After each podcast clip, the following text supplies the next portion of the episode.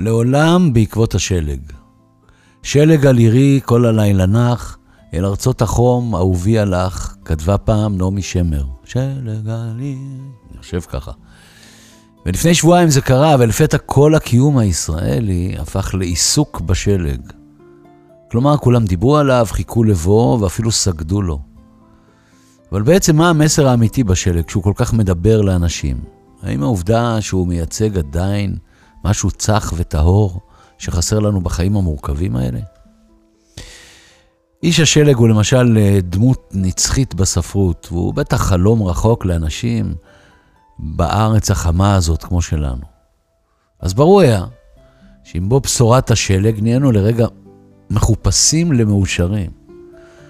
ובנסיבות המורכבות שבהן אנחנו חיים לא היה מפתיע, ואולי כן, לראות אנשים בוגרים משתתים בכיף וחוזרים באושר לילדות. למשל, הנשיא הרצוג נראה זורק כדורי שלג עם אשתו והנכדים. ומשפחת למד מהדרום עזבו את תנורי הספירלות החמים שלהם והחליטו לנסוע בספונטניות בעקבות השלג הלבן לירושלים.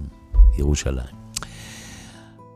הלמדים החמודים, משפחה שכזאת, כמו שאומרים, נדבקו כבר באומיקרון ואפילו החלימו. אז האמת שלא הייתה להם בעיה לעמוד בתור של נושפים ורושפים בכניסה לעיר שחוברה לה יחדיו בשלג. הם גם הזמינו מבעוד מועד שני חדרים במלון, ובבוקר קמו, הציצו בחלון בהתפעלות ואמרו, יאו ערדי, אלוהים, איזה יופי של שלג הורדת על עיר הקודש. ולי הם כתבו, כמה חבל שלא באת איתנו. אחר כך שלחו לי תמונות מהרחוב הלבן, ובעיקר ייחלו שהוא לא יימס באמצע הסלפי ויהפוך לעיסת בוץ. כן, נשמות ישנות הולכות תמיד בעקבות פתיתי הלובן הנפלאים. צאו איתי למסע בשלג. כמו שקורה בחיים האלה, חיכיתי לו, לשלג כמובן, כמו שמחכים להמון דברים. אבל מעולם לא העזתי לקום ולעשות נניח סקי במון בלאן. אפילו לחרמון הגאה הגעתי פעמים ספורות. לרוב כשהילדים לחצו, ופעם אחרת במלחמת יום כיפור, רק שבגלל הפגזה מטורפת של הסורים, ירדנו ממנו די מהר. אבל הסיפור הבא התרחש בשנת 1991 בערי האלפים בשוויץ. וזה היה בעצם הטיול האחרון שלי ושל בתי שירי לפני הצבא. שהיינו אז בכפר קטן וציורי בסגנון היידי בת הערים. ואז, אולי תלכו לעשות cross country, הציע אחד המקומיים שראה אותנו עומדים מושלגים ובאפס מעשה. וכיוון שזה נשמע בערך כמו country music, הסכמנו מיד. ובבוקר השכם אספנו מגלשיים ומוטות כאלה, ויצאנו להרפתקת ההחלקה במישור השלגי. זה היה עבורנו שיא ה bonding. בתי הייתה ב edge of 17, שזה גיל 17 הקיצוני. ואני נעבך כבר בגיל תחילת צניחת העפעפיים. יאללה, אבא, עודדה אותי, ואנחנו שעטנו בשלג באופטימיות. אלא שמסיבה שרק אלוהים יודע אותה, החלקתי, ונשקפתי חסר אונים, וקמתי רק אחרי שניערה וחילצה אותי ממנו. זה היה מחמיר לב לראות אותנו נעים אחר כך באיטיות כמו שתי נקודות קטנות בשלג, או אם תרצו, שני דובים צולעים לכיוון המכונית הסחורה. אבא, תן לי לנהוג, ביקשה בת ה-17 שהוציאה רישיון בדיוק שבוע קודם בארץ. היססתי, אבל הבנתי שאני לא יכול לנהוג ונתתי לה את המפתחות. כמו שיכורה במסיבת שלגים, החליקה המכונית הנהוגה על ידה בדרך לציריך, בלי שרשראות לצמיגים ועם ניסיון קטן של נהגת בעלת רישיון בין שבעה ימים. עד היום, אני לא יודע מה זה אומר שהגענו, אבל זוכר שאכן בסוף הגענו. בזמן אחר, לסבא של אבא שלי קראו כץ. הוא היה יהודי דתי שהתפרנס ממכירת יש, יין. והיה מתדפק בלילות השלג הקפואים על דלתות בני עמנו היהודים בעיירה רומנית קטנה בשם סירט. הוא מציע להם בקבוקי יין תמורת תשלום. המחיר שגבה כץ היה הגיוני ולא מופקע בכלל. הבן אדם הסתכל על קוניו ביושר, הבין את מצוקותיהם בעוני ובקור, למול הדף גלי האנטישמיות במזרח אירופה המושלגת שהפכו אחר כך למחנות השמדה בפולין.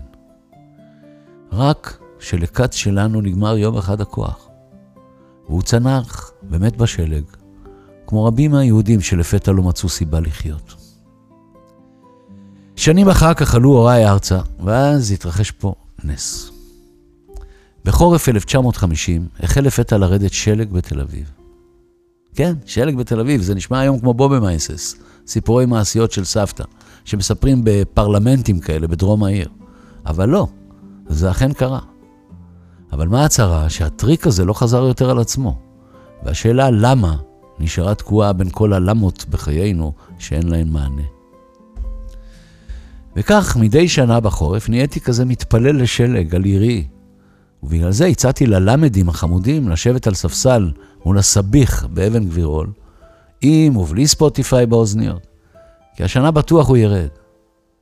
וגם אם לא ירד, אמרתי, אני מהמר שתחלוף לנגד עיניכם הפלאיות האלה איזה מישהי פלאית עם פרחים לבנים ביד. תטען שהיא שלגיה. ולהוכחה תשיר את השיר מהסרט הידוע של דיסני, שאני לא יודע לשיר אותו. גל גדות? שאלו. לא, לא, גל גדות תגלם בסרט ההוליוודי על שלגיה את המלכה, עניתי. אה, אמרו הלמדים המאוכזבים, ונסעו כאמור לירושלים. בבוקר חשוך כמו לילה, כשעוד היו תקליטים בעולם, איזה כיף. ישבתי לי בשנות ה-70 המופלאות, במטוס סילון, לא לארצות הברית, מטוס סילון שעמד על מסלול שלג לבן, וניסה להמריא בשלג מקופנהגן לפריז. לא בטוח שזה לפריז, אבל זה היה מקופנהגן. זה היה מוזר, כי המטוס עלה ונפל כמו אבן, ואני בכלל, היו לי פחדי טיסה, והנוסעים נתקפו חרדה מטורפת, שמא יעברו עליהם חמש שנים בטיסה אחת, כמו בסדרת המתח המצליחה מניפסט. מכירים? אבל אז יצא לפתע טייס, ואחריו עוד טייס, כלומר שני טייסים סקנדינביים, והם הרגיעו אותנו בסקנדינבית, ואחרי שעתיים סקנדינביות, מורטות עצבים, המטוס הסקנדינבי עלה לאוויר. יש עליך קצת כסף סקנדינבי? שאלתי בנשימה עצורה את מי שישב לידי בטיסה. בשביל מה שאל? כדי לקנות סיגריות סקנדינביות מהדיילת, לעשן ולהירגע, עניתי. טוב, אז עוד היה מותר לעשן במטוסים, וגם אני עוד עישנתי. שעה שהשלג הסקנדינבי נשאר שם לנצח. היא הייתה ציפור קטנה רבת יופי, אבל יום אחד, באמצע מעופה, נפלה בשלג, והחלה לקפוא מקור, בתחושה ברורה שתכף תמות מות ציפורים. ואז לפתע, כמו שקורה באגדות, עברה פרה מקומית וחרבנה עליה. והציפור, היא התחממה, הוציאה את ראשה וצייצה באושר רב.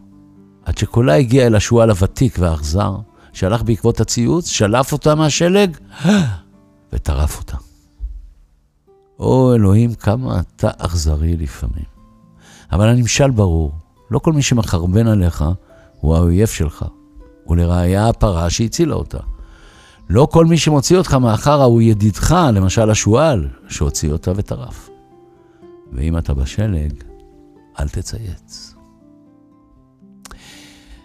השלג המשפחתי שהיה פה לפני כמעט שבועיים ענה לרגע על כל מאוויינו להיות חלק מעולם האגדות הרחב והקפוא. אבל אז הגיעה השמש הלוהטת והרסה את כל אשליותינו. וכשהוא נמס, חשבתי מחשבת שלג כזו. נניח בא אליך הילד שאתה הכי אוהב בעולם, כלומר הילד שלך, ומבקש ממך לראות טיפת שלג. האם לא תיסע עבורו בספונטניות לאיפה שהבטיחו שיהיו שלגים?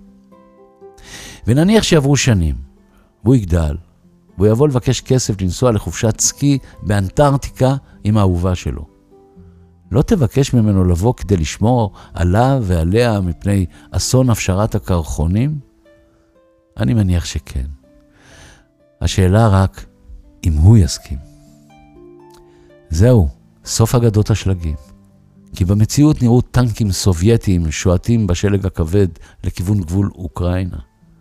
וכמה ימים קודם השתחרר בהימאליה המושלגת קרחון שלג בעוצמה של 15 פצצות אטום, והזכיר לכל מי שהעולם יקר לליבו את הצונאמי שעלול לקרות לעולמנו, כשהשלגים האמיתיים באמת יימסו בחום. שלג על ירי כל הלילה נח. אל ארצות החום, אהובי הלך. איזה יופי, כתבה פעם נעמי שמר. ולפני שבועיים זה קרה, ולפתע כל הקיום הישראלי הפך לעיסוק בשלג. דיברו עליו, חיכו לבואו, ואפילו סגדו לו. לעולם בעקבות השלג. תהיה לכם שבת בריאה וטובה, הרבה בריאות כמובן. ושבת שלום. שלמה ארצי.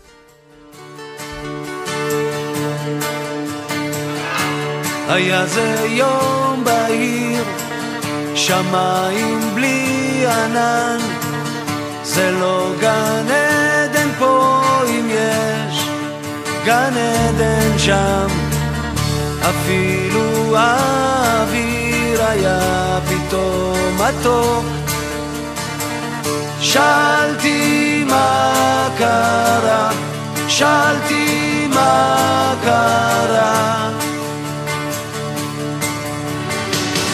למען האמת צריך לומר פשוט רציתי כבר להתאבד איתך מרוב ייאוש. תמיד אחרי השערות נרגע פתאום. שאלתי מה קרה, שאלתי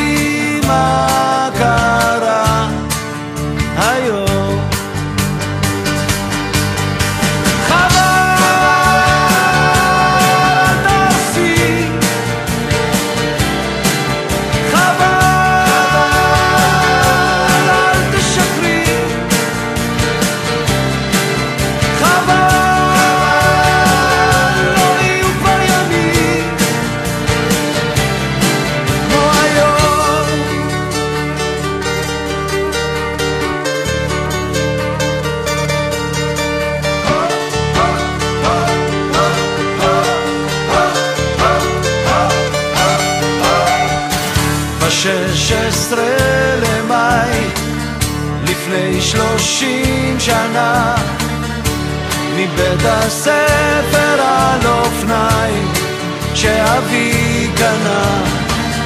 הרגשתי ככה מאושר מבעיות. שאלתי מה קרה שאלתי